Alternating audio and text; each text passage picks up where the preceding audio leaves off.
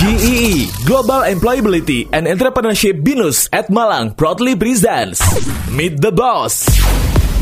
Sam Walton, founder Walmart, perusahaan yang tercatat di posisi nomor satu Fortune 500 pernah berkata, To succeed in this world, you have to change all the time. Sadar atau tidak, manusia butuh perubahan. Kita anti akan keadaan yang stagnan. Perubahan akan membawa kepada keadaan yang terbarukan. Di sisi lain, Perubahan sangat dekat dengan pilihan. Keberanian hadir di antara dua pilihan. Jadi karyawan atau juragan. This is Meet the Boss. Catch on Spotify. Hi Venetian, I'm Azmi Badres, owner of Melbourne Coffee Co. Remember to always stay humble. Meet the Boss, hosted by Feby and Coco. Wow, sekarang kita sudah berada di depan dari Melbourne Coffee Co. Persis. Hai bro. Halo Pak Bro, hari ini kita bukan nongkrong ya, kita kerja lagi. Betul, karena memang kita masih di masa work from home, tapi ini ada agenda penting yang harus dilakukan. Kita mau ngobrol sama owner dari Melbourne Coffee Co. Karena itu kita harus keluar rumah. Terpaksa sekali dan ini bukan karena keinginan kita, tapi memang ini untuk teman-teman binusian Betul. agar punya insight tentang bagaimana sih memulai bisnis gitu ya. Betul. Dan satu hal yang perlu kita share ke teman-teman kalau proses ini semuanya kami patuhi sesuai dengan aturan pemerintah. Contoh nih, ngobrolnya kita nih, jarak kayak gini, Ya. kita satu meter. Satu meter ini rekaman aja satu meter, makanya agak jauh kan. Hey, apa kabar sebelah sana? Aman Bro. Alright, Kita oke. salaman aja pakai siku. kayak gini nih. Oh, kelihatan ya, ini audio podcast cuy. Iya juga. Oke, kalau gitu Bro Fabi, mari kita segera masuk ke Melbourne. Kayaknya ownernya Melbourne sudah siap nih ketemu kita. Let's go, man. GEE Global Employability and Entrepreneurship Binus at Malang proudly presents Meet the Boss. Wah, ini dia orangnya. Hey, what's up, my man? Alright, hey, hey. Salaman dengan cara Wakanda. Anti Mr. COVID-19. Hey, what's up, man? What's up? What's up? Is everything going well right now? Yeah, so far so good. Uh, business as always, but uh, since the breakout of the COVID-19, we trying to keep safe, uh, stay humble, um, just watch out for one another. That's one of important thing. So just stay safe and stay hygiene. Oke, kayaknya aku harus order kopi dulu deh. Dan kebetulan di kasir kan ada hand sanitizer. Ah. Nah, satu menit sekali harus pakai sekarang. Oh, jangan banyak-banyak cuy, habis tar. Bangkrut nanti. Ya udah kalau gitu. See you, Bro Fabi. Bye. This is Meet the Boss. Catch on Spotify. Guys, seperti yang tadi udah diobrolin, jadi kali ini saya lagi ada di Melbourne Coffee Co, sebuah coffee shop cozy yang ada di Jalan Candi Panggung nomor 2C.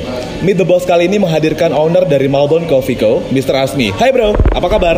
Hai, apa kabar? Baik-baik. Nah, sebelum kita ngobrol lebih lanjut, share dong ke Binusian tentang upaya Melbourne Coffee Co untuk mencegah penyebaran COVID-19. Oke, first of all kita selalu up to date ya dengan rekomendasi dari Pemkot lokal. Jadi kita mendengarkan apa saran-saran yang mereka berikan. Terus um, also um, following uh, precaution steps uh, kita ambil. Jadi kita menyediakan hand sanitizer. Kita selalu membersihkan tempat-tempat yang sering disentuh oleh orang dan um, kita rekomend ke customer untuk take away dan stay di rumah untuk sementara. Tapi yang paling penting untuk kita semua not to take it too lightly, not to take it too heavily. Jadi yang penting kita udah melakukan semua step-step yang kita perlu ambil, kita bisa lebih aman lah gitu aja. Nice, stay safe, stay healthy. Sekarang kita langsung gaspol ke topik utama. How to dare to start a business. Bro, sebelum Melbourne Coffee Co lahir, kesibukanmu apa? Jadi sebelum adanya Melbourne Coffee Co, um, gue spend sekitar 10 tahun in uh, fleet service industry, um, namanya AB Group. Jadi itu um, mereka berada across the globe ya di banyak negara, um, operating as Avis and budget car rental. um, dan sekitar 4 tahun yang lalu gue mulai menenggelami dunia perkopian. Nice, jadi sambil kerja di multinational company di Australia, kemudian juga mulai menekuni perkopian 4 tahun yang lalu. Apa satu hal yang menarik perhatianmu ketika nekunin kopi? Karena sebenarnya dunia ini punya banyak hal selain kopi. Why coffee? Uh, why coffee? Because I stumbled across coffee. I liked it, I enjoyed it, and then I became passionate about it. Karena passion itu merupakan uh, motivator yang cukup kuat ya. That's why I choose coffee. Ketika pertama kali kenalan sama kopi 4 tahun yang lalu di Australia, sudah ada kepikiran belum mau running Melbourne Coffee Co di Malang, Indonesia? Um, definitely belum sih, cuman hanya suka dan passionate dalam membuat kopi, menyeduh kopi, tapi belum ada kepikiran. Tapi seberjalannya waktu, mulai muncullah itu pikiran untuk kita memulai something di Indonesia. Ini keren banget. Kalau aku bilang ada sebuah keputusan besar yang lo ambil waktu itu. Maksud gue kayak gini nih, kerja di Australia, pekerjaan dan penghasilannya mapan semuanya udah ada. Lalu berani pulang ke Indonesia untuk memulai sesuatu yang baru. Tentu banyak hal yang harus diinvestasikan dong di situ. Kayak yang paling simpel adalah penerbangan nih dari Australia ke Indonesia. Belum lagi resource-nya, modalnya bangun kafe, alat kopinya, karyawan, promosi. Terlebih lagi ada concern budaya yang beda antara Indonesia sama Australia. Terlebih lagi udah lama tinggal juga di luar negeri. Lalu apa yang bikin lo berani untuk ngambil langkah besar itu? Um, kenapa gue mengambil langkah itu? Because as I work um, in the corporate world for about over 10 years, um, aku merasa itu bukan duniaku ya. Jadi um, aku merasakan harus bisa menemukan sesuatu yang aku bisa cintai untuk aku kerjakan. Karena as they said, you know, when you do something that you love, you'll never have to work again for another day in your lifetime. Wow, dan itu semuanya didapatkan dari perjalanan. Perjalanan kerja di multinational company membuat lo akhirnya sadar that's not your uh, own world maybe. Oke, okay. pikiran itu muncul kapan? Pikiran itu sebenarnya sih udah muncul sejak lama ya. Say two years into the corporate world udah muncul di otak untuk um, this is not me. Cuman semenjak dua tahun in sampai 10 tahun itu aku selalu mencoba-coba sesuatu um, and karena cara pemikiran yang dulu mungkin masih agak berbeda dengan sekarang ya. Kita berkembang dulu pemikiranku it's all about the money. Jadi aku cuma chase uh, money-nya dan aku merasa aku tidak menemukan apa-apa dengan chasing money itu. Akhirnya alhamdulillah sekarang sudah menemukan passion so it's all good from now on. Wow great. Satu hal yang nyata dekat dengan keberanian itu ketakutan. Um, menurut saya, Asmi sangat berani banget untuk ngambil keputusan besar ya. When you say that passion is more important than money, ada satu hal yang dipertaruhkan di sana, yaitu keberanian. Temennya keberanian adalah ketakutan ada nggak ketakutan tertentu untuk membangun Malboard? Kalau ketakutan-ketakutan sih pastinya ada ya. Um, there's fear of judgment, fear of the unknown, fear of failing um, tapi cara gue untuk overcome semua fear itu most importantly fear um, in the future gue akan regret keputusan tidak mengambil keputusan ini untuk membuka Malbon karena kita di masa tua tuh nggak pengen ada kata-kata uh, aku ref, ref, I wish uh, gue nggak pengen itu terjadi sama gue sama sekali. Jadi lebih baik kita eksekusi, kita go on with life. How you overcome the fear technically? technically um, by being humble I guess being humble karena ketika kita bisa lebih humble ke diri kita ya kita bisa sadar um, if we die tomorrow the world will go on just fine so it we don't really matter unless we can make ourselves matters. Wow, that's a good philosophy. Now let's talk about the challenges ketika ngebangun Melbourne Coffee Co. Biggest challenges yeah. yang gue temuin ya. Jadi first of all cultural difference karena gue so long spend my lifetime in Australia sama Indonesia culture-nya cukup berbeda and then not having the experience itu kedua not knowing a lot of people in Malang that's another challenges work ethic, and the last one is judgment if it all falls apart. Um, would you please tell us about the history of Melbourne Coffee Co itself? Tanggal berapa detail yang Melbourne Coffee Co hadir di Malang? Jadi preparation already started from early 2019 tapi kita open the door to the public mulai tanggal 7 April 2019. Itu tanggal sudah dapat persetujuan dari siapa aja? Ada pertimbangan khusus mungkin karena di Indonesia kalau misalkan sadar atau enggak ya ada tanggal baik dan bla bla bla dan kalau misalkan dari teman-teman gue udah running bisnis mereka mempertimbangkan itu juga gitu. Ini pertanyaan nakal nih dari gue.